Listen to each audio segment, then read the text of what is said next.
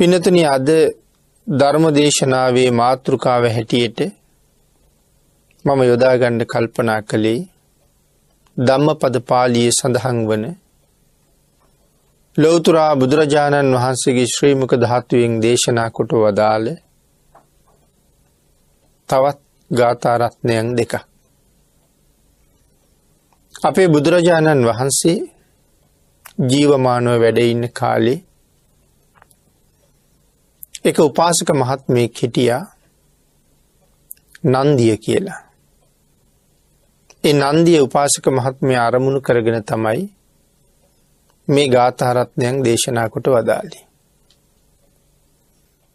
චිරප්පවාසිං පුරිසං දූරතෝ සොත්ති මාගතන් ඥාතිමිත්තා සුහජ්ජාචය අභිනන්දන්තියාගතන්. තතේව කත පුඤ්ඥම්පි අස්මාලෝකා පරංගතන් පුඤ්ඥානි පතිගංහන්ති පියන් ඥාතීව ආගතන්.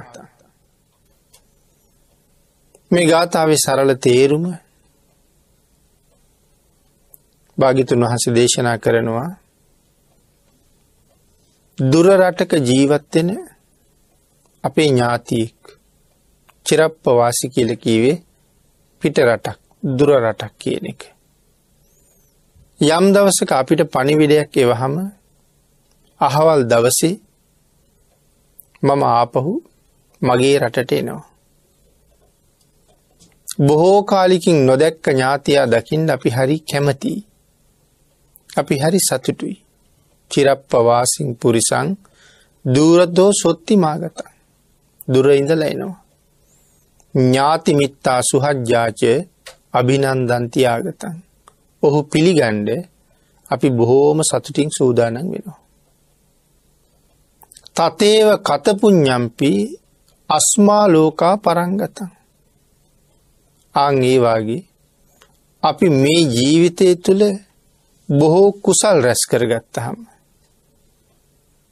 පුඤ්ඥානි පතිගංහන්ති පියං ඥාතිවාගතන්. ඒ කුසලයත් රැස් වෙලා බලාගෙන ඉන්නවලු අපි සැපයට පත් කරන්නට.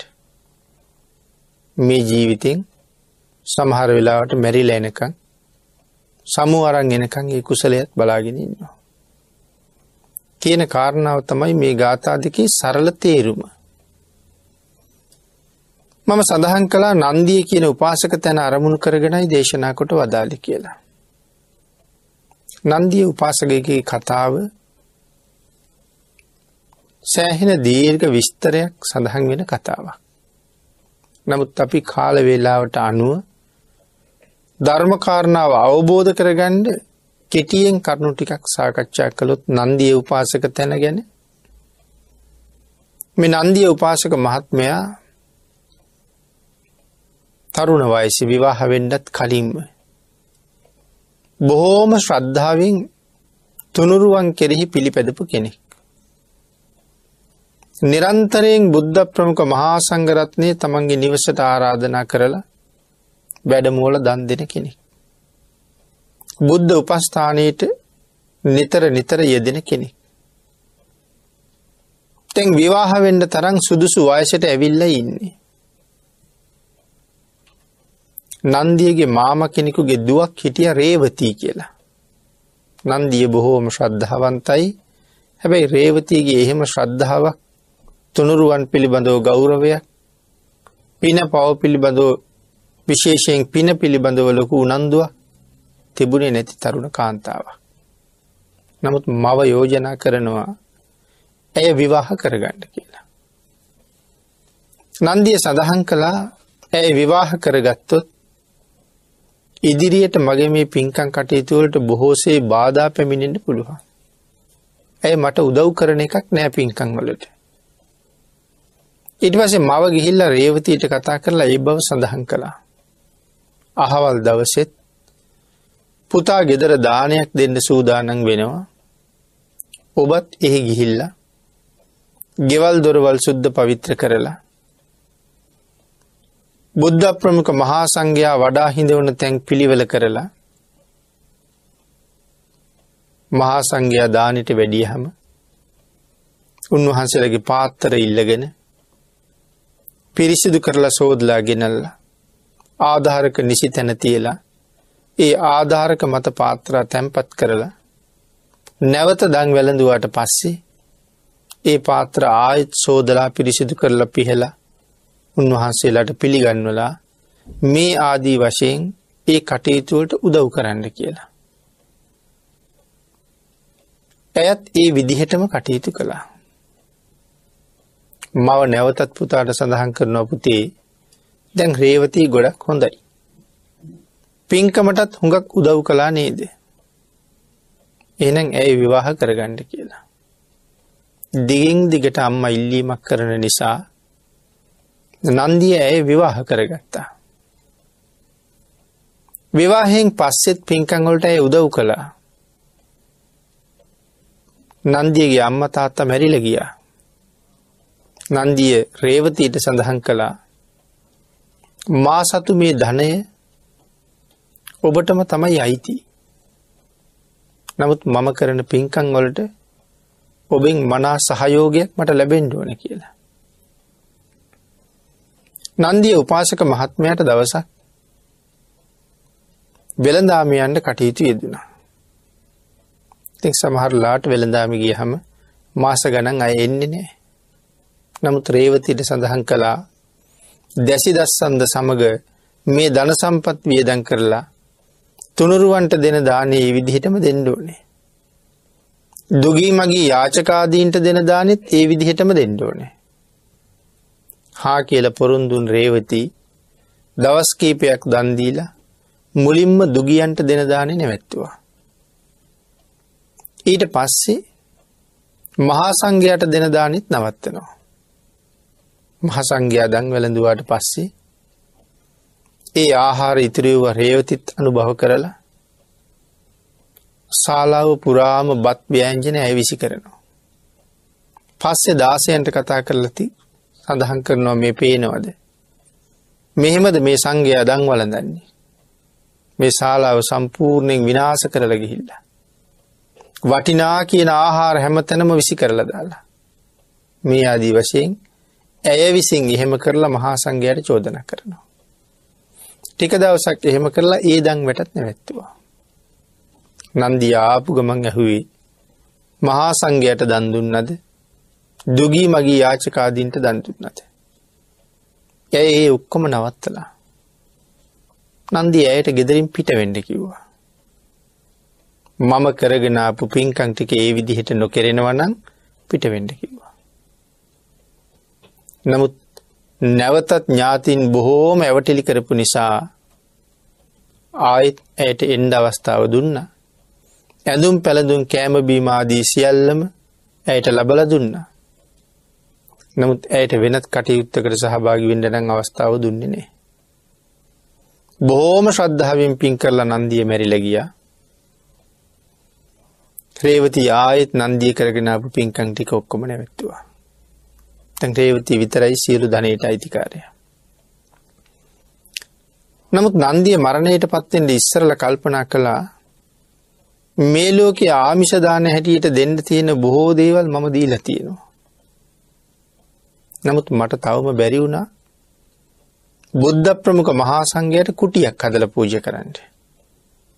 මං ඒ පින්කමත් සම්පූර්ණ කරන්න ඕනේ කියලා හිතාගෙන බුදුරජාණන් වහන්සේ වෙනුවෙන් ඉසිපතනාරාමේ විශේෂ කුටියක් හැදුවා. බුද්ධ ප්‍රමුඛ මහා සංඝයට. ඒ කුටියේ වැඩ නිමා කරලා බුදුරජාණන් වහන්සේට ආරාධනා කරලා අතපැන් වක් කරලා පූජා කරන දවසේ නන්දිය වෙනුවෙන් දිව්‍ය ලෝකේ මාලිගාවක් පහළ වුණා. මුගලන් මහරහතන් වහන්සේ දිවිය ලෝක චාරිකාය වඩින වෙලාවේ පිරිමි දෙවියෙක් නැති ප්‍රධාන දෙවියෙක් නැති නමුත් දිව්‍යාංගනාවන්ගෙන් පිරුණ මේ මාලිගාව දැකලා කාගෙද කියල ඇහුවා. ඒ දිව්‍යාංගනාව සඳහන් කලා ස්වාමීණී මේ අයිතිකාරයා තවම ඉන්න මනුස්සලෝකේ. ඔහු එනකං අපි බලාගෙන ඉන්නවා කියලා. කාගෙද මේ මාලිගාව කියලා අපම සඳහන් කළා ස්වාමීණි නන්දිය උපාසක තැන වෙනුවෙන් තමයි මේ මාලිගාව පහළ වෙලා තියෙන්නේ. දිව්‍යාංගනාව මහතෙරුන් වහන්සේට සඳහන් කළා ස්වාමීණී මනුස්ස ජීවිතය කියල කැන මැටි බඳුනක් වගේ. දිව්‍යමය ආත්මයක් කෙලකෙන් රම්බඳුනක් වගේ. ඔබ වහන්සේ මනුලෝට වැඩියහම නන්දියට මතක් කරන්න ස්වාමීණි. මැටි බඳුන පස කලා රන් බඳුනක් වෙනුවෙන් දිවී ලෝකට වඩින්න කියලා. මුගලන් මහරහතන් වහන්සේ බුදුරජාණන් වහන්සේ ළඟට ගිහිල් ඇහුවා ස්වාමීණී මෙහි ජීවත් වෙන කෙනෙක් වෙනුවෙන් දිවිය ලෝකෙ මාලිගාවක් පහළවෙඩ පුළුහන්ද කියලා. බුදුරජාණන් වහන්සේ ආපහු ඇහුවේ මොග්ගල්ලාන ඔබ තැනටත් ගිහිල්ල මාලිගාවත් දැකල කාගෙද කියල තොරතුරුත් දැනගෙන ආපහු මගෙන් අහන්ඩ අහවල් දෙයක්ද ඉතුරු වෙලා තියෙන කියලා. මේ මේ කාරණාවෙන් පස්සෙ තමයි ඔය මාතෘකා කරගත්ත ගාථරත්නයන් දෙක දේශනා කළේ. නන්දිය මරණයට පත් වෙලා ඒ මාලිගාවටම ගිය. හැබැයි රේවති එයින් පස්සෙත් දංවට නතර කළා. මහා සංඝයට දිගින්දිගට චෝදනා කළා. මේ වෙලාවේ වෙසමුණි කියන දිව්‍යරාජයා යක්ෂයන්ට අධිපති. මනුස්ස ලෝකෙට යක්ෂයෝ දෙන්නෙක් එවල ඒ යක්ෂයන්ට කිව්වා මේ මුළු නගරයට මැහෙන්ඩ ගිහිල්ල කියන්ඩ තවත් දවස් හතකින් රේවතී නිරේට අරං යනවා කියලා. යක්ෂයෝ දෙන්න මනුස්සලෝකට ඇවිල්ල මුළු පලාතට මැහෙන්ඩ කෑගහලකිවත් දින හතයි රේවතීට තව ජීවත්තෙන්ට දෙන්නේ. අපි ඔය විදිහට මෑ නිරේට ගෙනෙනවා කියලා. රේවති හොඳටම බය වුණා. මාලිගාවට ගිහිල්ල දොරවාහගෙන හිටිය එලියට ආවිවත් නෑ නමුත් නිසි දින සම්පූර්ණ වෙනකොට යක්ෂයෝ විසින් රේවතී දිව්‍ය ලෝකෙට ගෙනහිල්ල දිව්‍ය විමානයත් පෙන්නලා කාගෙද? කියන කාරණාවත් කියලා රේවතී එහි නතරවෙන්ඩ කැමැත්ත ප්‍රකාශ කළත් රේවතීට සුදුසු තැනටම අරගෙන ගියා. රේවති තාමත් නිරේ දුක් විඳිනව ඇති. නන්දිය තාමත් දෙව්ලෝ සැපවිඳිනවා. මේ කාරණාව පදනම් කරගෙන තමයි භාගිතුන් වහසේ අපි මුලින් සඳහන් කරපු ගාථාවන් දේශනා කළ බව සිහිපත් කළේ. චිරප්ප වාසිං පුරිසං දූරතෝ සොත්ති මාගතන් ඥාතිමිත්තා සුහජ්ජාචය අභිනන්දන්තියාගතන්. අපි මුලින් ගාථාරත්නය තේරුම කෙටියෙන් පැහැදිලි කළා. චිරප්ප වාසි කියල කියන්නේ දුර රටක් පිට රටක්. තමන් ඉපදිච්ච රට හැර අනික් හැම රටකටම අපි කිවේ පිට රට කියලා. එක ඉච්චිරප්ප වාසි කියල කිවි. ආං ඒවාගේ දුර රටක බොහෝ කාලයක් ජීවත් වන ඥාතියෙක් ආපහු අපි ගාවට එනකොට අපි බොහෝම සතුටින් තමයි ඔහු පිළිගණ්ඩ සූදානන් වෙන්නේ. ඥාතිමිත්තා සුහජ්ජාචය අභිනන්දන්තියාගත. එනවා කියල කියහම පිළිගණ්ඩ සූදානන් වෙනවා. තතේව කත පුඥ්ඥම්පි. අන්න ඒවාගේ තමයි මේ ලෝකෙ අපි කරන පින්කං අස්මා ලෝකා පරංගත අපි මෙහෙ පින් කරලා කවදහරි දවසක මැරෙනවා. අස්මා ලෝකා පරංගත. මේ ලෝක අතහැරලා යනවා. පුඤ්ඥානි පතිගංහන්ති. දුර ඉඳල එන නෑය පිළිගණ්ඩ අපි ලෑස්තිවුණා වගේ අපි මෙලවත් හැරල යනකොට පුඤ්ඥානි පතිගංහන්ති. අපි කරගත්ත පින සූදානන් වෙලා ඉන්නවා අපිව පිළිගණ්ඩ. පියන් ඥාතීවාගතන් කොයි වගේද අර ප්‍රිය ඥාතියා පිළිගණ්ඩ අපි සූදානන් වුණා වගේ අපි කරපු පින අපිව පිළිගන්න සූදානන් වෙලා ඉන්නවා. එනම් නන්දිය උපාසක තැන බොහෝම පින්කං කරලා දිවිය ලෝකෙට එනකං නන්දීගේ පින එහාට වෙලා බලාගෙන හිටිය. විමානයක්ද පහල කරගෙන දිව්‍යාංගනාවන්ද සමඟ එහෙමනම් නන්දිය එනකං විතරක් නෙමෙයි බලාගෙන ඉන්නේ. අපි කරපු පින් අපි එනකුණුත් බලාගෙන ඉන්නවා. පින්නතින පින් විතර දෙතකොට අපි එනකං බලාගෙන ඉන්නේ. පින් වගේම පවුත් බලාගෙන ඉන්නවා. පින සුගතිගාමී කරන්න බලාගෙන ඉන්නවා. පව දුගතිගාමී කරන්න බලාගෙන ඉන්නවා. දැන් අපි තමයි තීරණයක් ගණ්ඩුවනේ. අපි එනතුරු කවුරු බලාගෙන ඉන්න එක හොඳද. කියන තීරණය අපි ගාවයි තියෙන්නේ. වැඩි වැඩියෙන් පින්කං කරනවද වැඩි වැඩියෙන් අකුසල් රැස් කරනවද කියන කාරණාව. එනම් බුදුරජාණන් වහන්සේ කැමති අපි බොහෝසේ පින්කං කරනවට. එහෙමනම් අපි විසින් කල්පනා කරන්න ඕනේ මම දැන් මරණයට පත්වනොත්. මම එනකං බලාගෙන ඉන්නේ පින්ද පෞද්ද කියන කාරණාව අපිට තමයි තීරණය කරන්න පුළුවන්. මේ වෙනකොට මම කොයි තරං පින් කරලා තියෙනවද මේ වෙනකොට මං අතින් කොච්චර පවුරැස් වෙලා තියෙනවාද. පිනතින වැඩියෙන් කෙරිල ඇත්තේ පිනට වඩා අකුසල්. ඒක තමයි සාමාන්‍ය ස්වභාවය. අපි ඇතින් පින් කෙරෙන්නේ බොහොම බොහොම අඩුවී. අද කෙනෙක් බණහනුව කියල කියමු. දවසකට කෙනෙක් පෑ පහක් බණහනවා.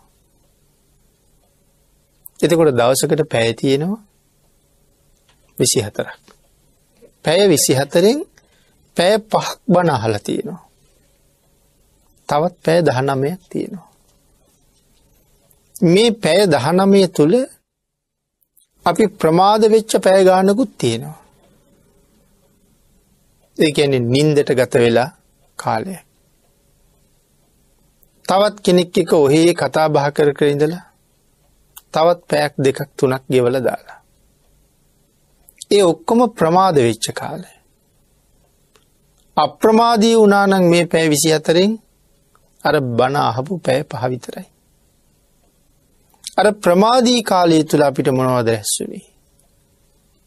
කෙනෙක් එක කතා කර කර ඉන්නකොට සම්ප ප්‍රලාප කොයි තරන් කියන්න ඇද්ද. කේලං කොයි තරන් කියවෙන්න ඇද්ද. බොරු කීයක් කියවෙන්න ඇද්ද. මේ හැමතනම රැස්වනේ අකුසල්. වචනයෙන් කෙරෙන අකුසල් බොහොමයක් සිද්ධ වුණා. නින්ද යනකං නිදාගෙන ඉන්නකොට නිදියහන ඉන්නකොට රාගසිතවිලි කොච්චරෙන්ට ඇත්ත. එදිනෙදා කටයුතු කරනකොට දවේශසිතවිලි කොච්චරෙන්ට ඇත්ත. මෝහසිතවිලි කොච්චරෙන්ට ඇත්ත. ලෝබසිතවිලි කොච්චරෙන්ට ඇද්ද. මේ ඔක්කොම කුසල් සිද්ධ මේ සේරම අකුසල් සිත්.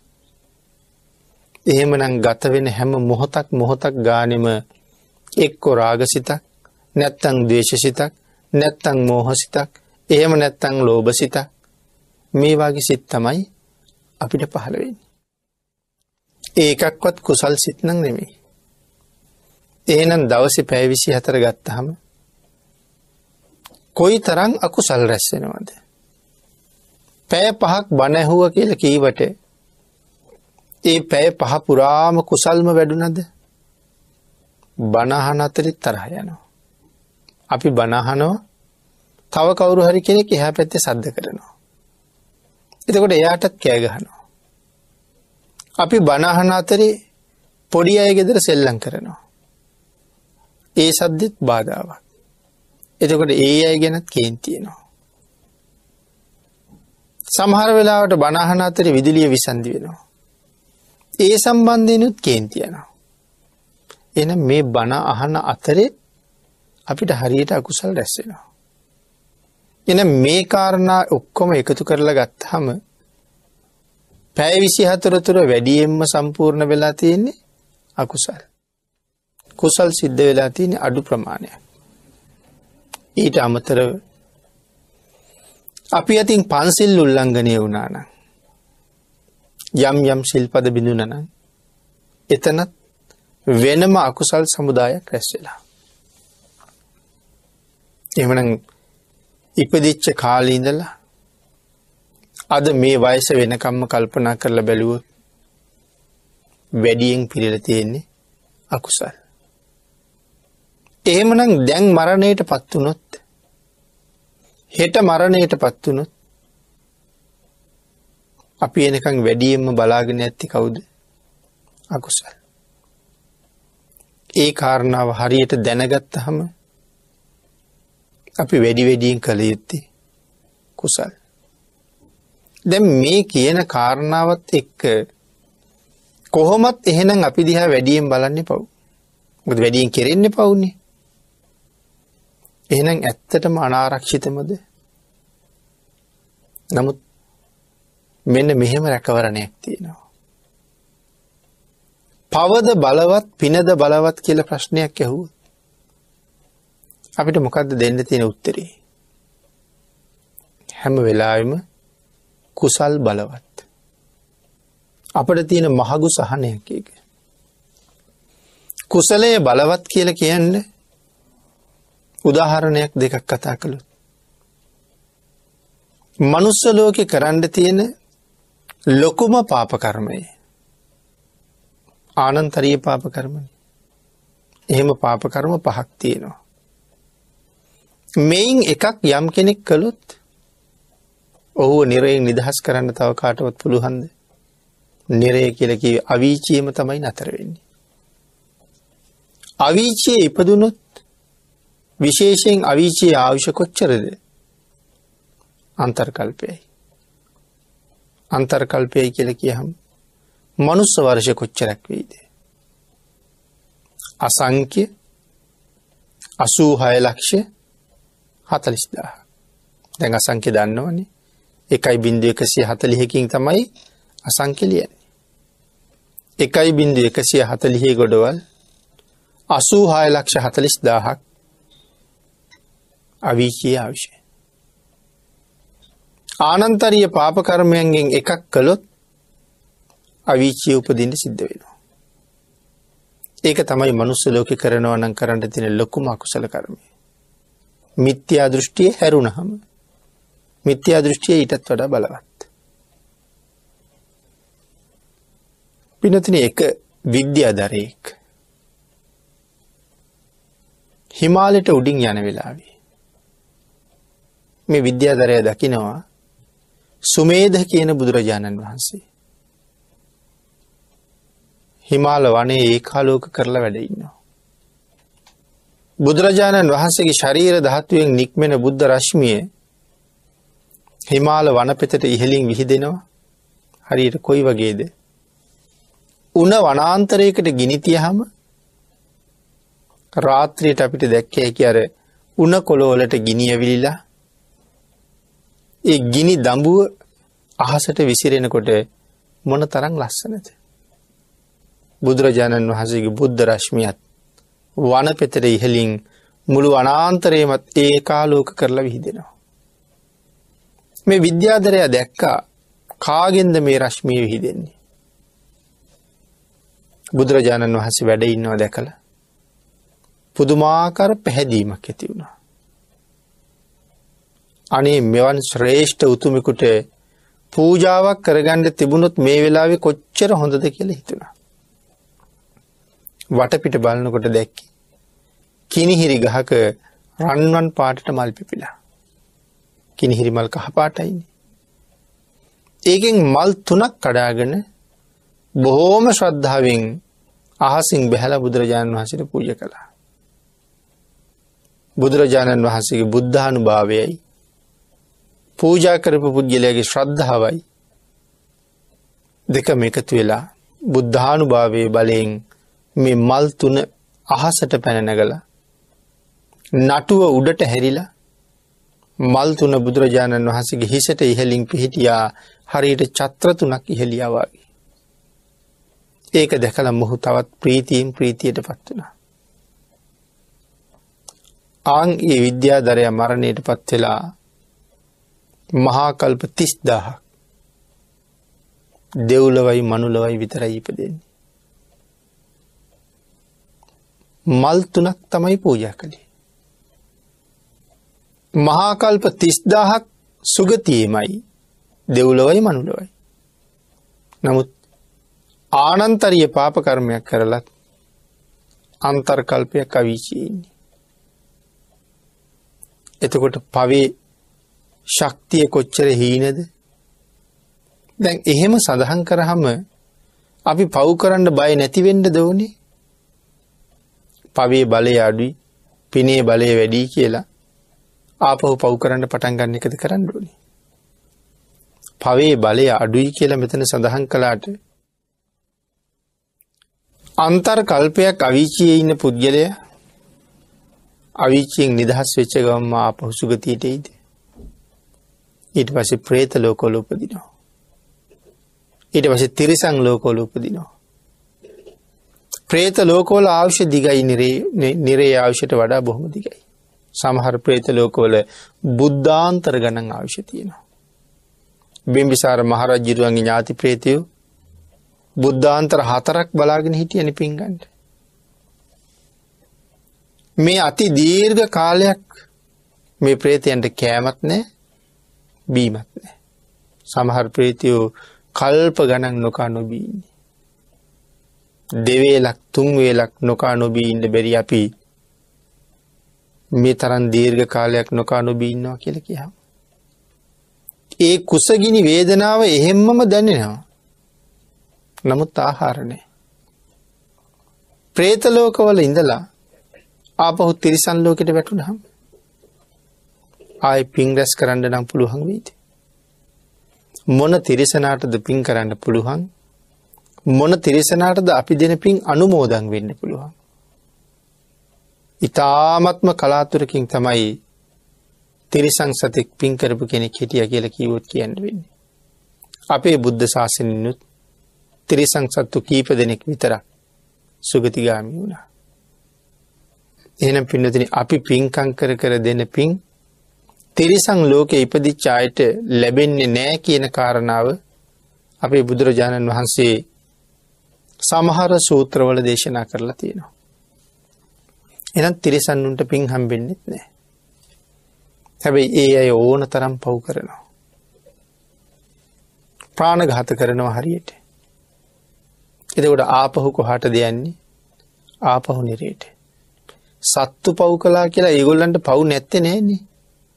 පූසෙක් විසින් මීයෙක් කැල්ලූ හම ප්‍රාණගහත අකුසලේ පූ සරත් තියෙනවා. කොටියෙක් විසින් මුවෙක් මරාගෙන කෑව හම ඒ ප්‍රාණගහත අකුසලේ කොටියටත් එහෙම්මම එහෙම්මම තියෙනවා. ඒක නැවත ආපව විඳින්ඩම සිද්ධ වෙනවා. එහෙමනම් ඒ පව්කන්ද ආයි නිරේ ගෙවන්න ගියහම. තව කී කාලයක් ආයි නිරාදුක් විඳින්ට වෙනවාද. එනම් මේ එක පවකට අපායිඉඳලා නිදහස් වෙලා කෙලින්ම ගොඩටාව කියල කාරණාවක් සඳහන් කළේ සඳහන් කළේ නෑ එහෙම උනානං ඒත් අතිශයිම්ම කළහතුරකි. තිරිසං ලෝකයක ප්‍රේත ලෝකයක නූපද්දවන්ඩ තවත් බලගතු කුසල කර්ම තිබුණ නං විතරක් අකුසලේ නිරේ විඳලා ආපවසුගතිගාමි වෙන්ඩ තිබුණා. ආං ඒක හින්දා අකුසලේ විපාකය අඩුයි කියලා අපි සඳහන් කළත් තැන තැන ආපහු අකුසල් රැස් කරවලා ආය ආය දුකටම හෙලනවා. නමුත් කුසල විපාක දෙනකොට ඊට වඩා හරි බලවත්. අපි අතින් සිද්ධ වුණ සාමාන්‍ය අකුසල් බොහෝසේ ජීවිතවල තියෙනවා. සමහර කෙනෙක් මුළු ජීවිතයෙන්ම පන්සිල්ල ආරක්ෂා කළත් කේන්ති ගියපු නිසා රැස් වෙච්ච පව් කොටසක් තියෙනවා. තවත් විදිහකට කෙටියෙන් සඳහන් කළොත් පන්සිල් රැකගෙන කරන්න පුළුවන් පව් ප්‍රමාණයකුත් මේ ලෝකේ තියෙනවා. ඒ කේන්තියන එක කෙනෙකුට කේන්ති ගියා කියලා පන්සිල් කැඩෙන්නේ ෑන. රාග සිතක් ඉපදුනා කියලා පන්සිල් කැඩෙන්නේ නෑන. දේශ සිතකින් පන්සිල් කැඩෙන්නේ ෑන. අම්ම තාත්තට දොස් කියන එකත් ලොකු පාපයක්. ඉතින් අපි අම්මට තාත්තට බැන්න කියල මොනයම්ම හේතුවක් නිසා හෝ ගුරුවරයකුට මහා සංඝයාට බැන්න කියලා දේශ සිතින් අපි පන්සිල් කැඩුන් නෑනේ නමුත් අපි තවත් බලවත් අකුසල් සමුදායක් රැස් වෙලා තියෙනවා. එහෙනම් සිල් රැකගෙන අපි අතින් කෙරෙන පව් ප්‍රමාණයකුත් තියෙනවා. අං ඒවාගේ කාරණවලින් පේන්නේ වැඩි වැඩියෙන් කොයි පැත්තෙන් හරි පව් රැස්සෙන්ට තියෙන ඉඩකඩම ඉඩකඩම වැඩි. නමුත් කුසලයත් බලවත් නිසා සිල් රැකපු පුුණ්්‍ය ශක්තියත් තියෙන නිසා මෙන්න මේවාගේ කර්ම එහෙම්මම ඉතුරු වෙලා තියෙනකොට සමහර වෙලාවට අපට සුගතියට යන්න වාසනාව හොඳටම තියෙනවා. ප්‍රඥ්ඥාවන්තයා සුගතියෙන් සුගතියට යන්න කටයුතු කරගන්නවා. මෙලවත් ප්‍රඥාව තියෙන කෙනෙක් තමයි පින් කරන්නේ. කර්මය කර්මඵලය විශ්වාස කරන ලැබිච්ච ජීවිතෙන් බොහෝ කුසල් කරගත යුතුයි කියෙන අධිෂ්ඨානයක් තියෙන සතර අපායට සංසාරයට බය වුණ පුද්ගලයා වැඩි වැඩියෙන් කුසල හිටියමු වෙනවා. යටත් පිරිසෙන් තමන්ගේ ජීවිතෙන් මනාව පන්සිල්වත් සම්පූර්ණ කරගණ්ඩ කටයුතු කරනවා. පිනතින අපේ ශාසනයේ අසූ මහා ශ්‍රාවකයන් වහන්සේ නමක් හිටිය යසෝජ මහරහතන් වහන්ස කියලා. කාශ්‍යප බුදුරජාණන් වහන්සේගේ කාලේ හොර නායකෙක්. තමන් යටතේ හොරු පන්සීයක් ඉන්නවා. ගං ගෙවල් බිඳගෙන හොරකං කරගෙන මංකොල්ල කාගන යනකොට එක ගමක මිනිස්සු එකතු වෙලා කැති පොළු අරගෙන හොරුන්ට පන්න ගත්තා. දැන් හොරු දුවනවා මිනිස් වෙලවනවා. දුවගෙන දුවගෙන ගිහිල මහ වනාන්තරයකට ඇතුල්ලුනා. ආරක්ෂාව හොයාගන්ට. හැන්ගෙන්ඩ තැනක් කොහෙවත් තියෙනවද කියලා වටපිට බැලුව. එහෙම මානයක් පේන්නේ වැඩි වෙලා තැන් හොය හොය ඉන්ඩත් බෑ මිනිස් වෙලවාගෙනනවා. හදිස්සියම දැක්ක හාමුදුරු කෙනෙක්කින්නවා. ඉක්මනට පන්සිය දෙනාම හාමුදුරුවගාවට ගිහිල්ලකිව අනේ ස්වාමීණි අපි බේරගන්නඩ කියලා. මෙහෙම සිද්ධියක් වුණා කැති පොළු අරගෙන එලවනෝ අපි බේරගණ්ඩ කියල කිව්වා. හාමුදුරුව කොහොමද මේ ගොල්ලු බේරන්නේ. හංගණ්ඩ තැනක් නෑ. නමුත් උන්වහසයි ප්‍රඥාවන්තයි. උන්වහස මේ සියලු දෙනාටම සඳහන් කළා හැමෝම නමස්කාරය කියන්න කියලා. සියලු දෙනාටම නමස්කාරය කියන්න කියලා මේ පන්සිය දෙනාම තිසරණය පිහිටව්වා. පන්සිය දෙනාටම පන්සිල් සමාදන් කිරව්වා.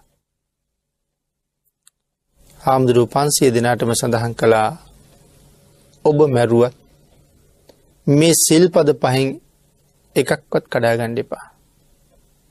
මේ තිසරණය ගැන කවදාවත් සැකවපද වන්න එපා. මැරුවත් සරණ සිල් බිඳ ගණ්ඩ එපා කියල සඳහන් කළා. ඒම සඳහන් කරලා යන්න කීවා. එතකොට දැන් හාමුදුරුව මේ අයට ආරක්ෂාවක් දුන්නද. අපි බලාපොරොත්තුවෙන කොහේරි ගෙනහිල්ල හංගයි හැන්ගෙන්ට තැනක් කියයි නමුත් ප්‍රඥාවන්තය කියම කරන්නේ. මේගොල්ලු පන්සිල් අරගෙන යනකොට මගදි ගම්යසිෝ ආයමුණ ගෙහුණ.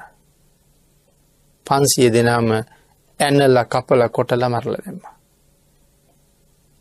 මරපු මර පුද්ගලයා මරණයත් මරණයත් එක්කම ගිහිල්ල උපදින්න දිවිලෝකි. මොකක්ද හේතුව තිසරණ සහිත පන්සිල්ලොල තියෙන අනිසන්සේ. අදත් යම් කෙනෙක් බුදුරජාණන් වහන්සේ ළඟ පොරොන්දුවක් දෙනවන. මහා සංඝය ළඟ පොරොන්දුවක් දෙනවන. ස්වාමීනී අද මේ මොහොතේ ඉඳලා. මගේ ජීවිතය නැති කළත් මම සිල්පදයක් නම් කඩන්නේ නෑ. හැබැයි ඔය පොරොන්දුව ලේසිද ඔය සිල්පදේ ආරක්ෂා කරන්න පුදුම සිහියක් තියෙන්ට ඕනේ. අන්න ඒකයි සති පට්ටානේ නිතර ප්‍රගුණ කරන්න කියල භාගිතුන් වහස දේශන කරන්නේ. ඔය සතිය මේ ජීවිතයේ අහවල් තැනට ප්‍රයෝජනයට එන්නේ නෑ කියල කියන්න තැනක් කියන්න තැනක් නෑ. හැම වෙලාම මනා සති පට්ටානයක පිහිටලා ඉන්ඩුවනේ. මෙහෙම පොරොන්දුවක් දුන්නොත් ස්වාමීනි දිවි හිමියෙන් පන්සිල් උල්ලංඝනය කරන්න නෑ කියලා. කල්පනා කරන්න ඕන හදිස්සියේ ගෙදර යනකොට. කිඹුලෙක් ඇවිල්ල දරුව ඇදගෙන යනවා. දරුව කෑගහනවා කිඹුල ඇදගෙන යනවා. දරුසෙන හැස වැඩි කිඹුලගින් දරුව ගලවන එකත් පහසු නෑ අපිට නම් හදිස්සීම මතක් වෙන්නේ උදැල් කැත්ත කඩුව කිඹුල කපල හරි දරුව බේරගන්ට. නමුත් ආපහු සිහියට එනවා එහෙම වුණොත් ඇයිමන් සමාධන් වෙච්ච සීලේ. සිල් පදයට හානි කරගන්නෑ එහෙම කෙනා. පොළුහන් වුණොත් කොහොම හරි දරුව බේරනවා නැත්තන් කරන්න දෙයක් නෑ. දරුව රකිනවට වඩා සිල් පදේ රකින එක වටිනවා. නමුත් සාමාන්‍යය අපි ඇතින් එහෙම වෙන්නේ එහෙම වෙන්නේ නෑ. සිල් ආරක්ෂා කරන්නන පොරොන්දු වෙන්නේ. මේ ලෝක ආරක්ෂා කරන්න දේවල් අපිට තව කොච්චර තියෙනවාද. දරුවෝ ඉන්නවා ගෙවල් දොරවල් තියෙනවා යානවාහන තියෙනවා ඉඩකඩං තියෙනවා රැකියාව තියෙනවා බිරිඳ ඉන්නවා ස්වාමියා ඉන්නවා මව්පියෝ ඉන්නවා තමන්ගේ රැකියාව ආරක්ෂා කරගණ්ඩ බොරු කියන කී දෙනෙක් ඉන්නවද. තමන්ගේ රැකියාව වෙනුවෙන් පව් කරන කී දෙනෙක් ඉන්නවද. සමහර පුද්ගලයෙක් ගව වැඩ කරන කෙනෙ ඒ පුද්ගලයාගෙන් ලැබෙන ධන සම්පත් නිසා වරප්‍රසාද නිසා වෙනත් පුද්ගලයකුගේ ආරක්ෂාව දෙසා අනුන්ගේ ජීවිත කීයක් විනාස කරන අය අපි ජීවත්වෙන මේ සමාජය ඉන්නවාද. ඉඩ කඩන් නිසා සත්තු සිව්පාව මරනවා. ඉඩ කඩංගොලට ගහමරා ගණ්ඩි ගිහිල සමහරලාට සහෝදරයට පවා ජීවිත හානියක් කරන ඉන්නවා. අම්මට තාත්තට ජීවිත හානි කරන ඉන්නවා. බිරිඳ නිසා මිනිස්සු මරණය ඉන්නවා. දරුවෝ නිසා නොෙක් අකුසල් කරන මව්පියෝ ඉන්නවා.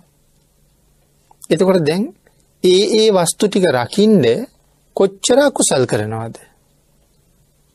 නමුත් අපි කියන්නේ සිලුත් රකිනවා කියලා. එනම් දරුවා රකිනවා වගේම අපි සිලුත් රකිනවාද කියලා කල්පනා කරන්න ඕනේ. එහෙම වෙන්නේ නේ. දරුව වෙනුවෙන් ඕන තරම් සිල් කඩනවා. රැකියාව වෙනුවෙන් ඕන තරම් සිල් කඩනවා. නමුත් සිල් බිඳගෙන නමුත් හදාපු දරුවෝ සමහර වෙලාවට ලොකු මහත් වෙලා. ඒගොල්ලො රැකී රක්ෂාදිය හොයාගෙන වයස්ගත ජීවිතය ඉන්න අපි ඒගොල්ලන්ට කරදරයක් වෙන්න පුළුවන්. එහෙමුණුත් එයාලා අපි ගෙදරින් පන්නල දාන්නත් පුළුවන්. එදා මම සිල් බිඳගෙන ඒගොල්ලො හැක්කා. නමුත් අද මට ඒගොල්ලන්ගේ සරණකුත් නෑ අද මංගාව සීලෙකුත් නෑ ඒගොල්ල වෙනුවෙන් සීලයත් බිඳගෙන.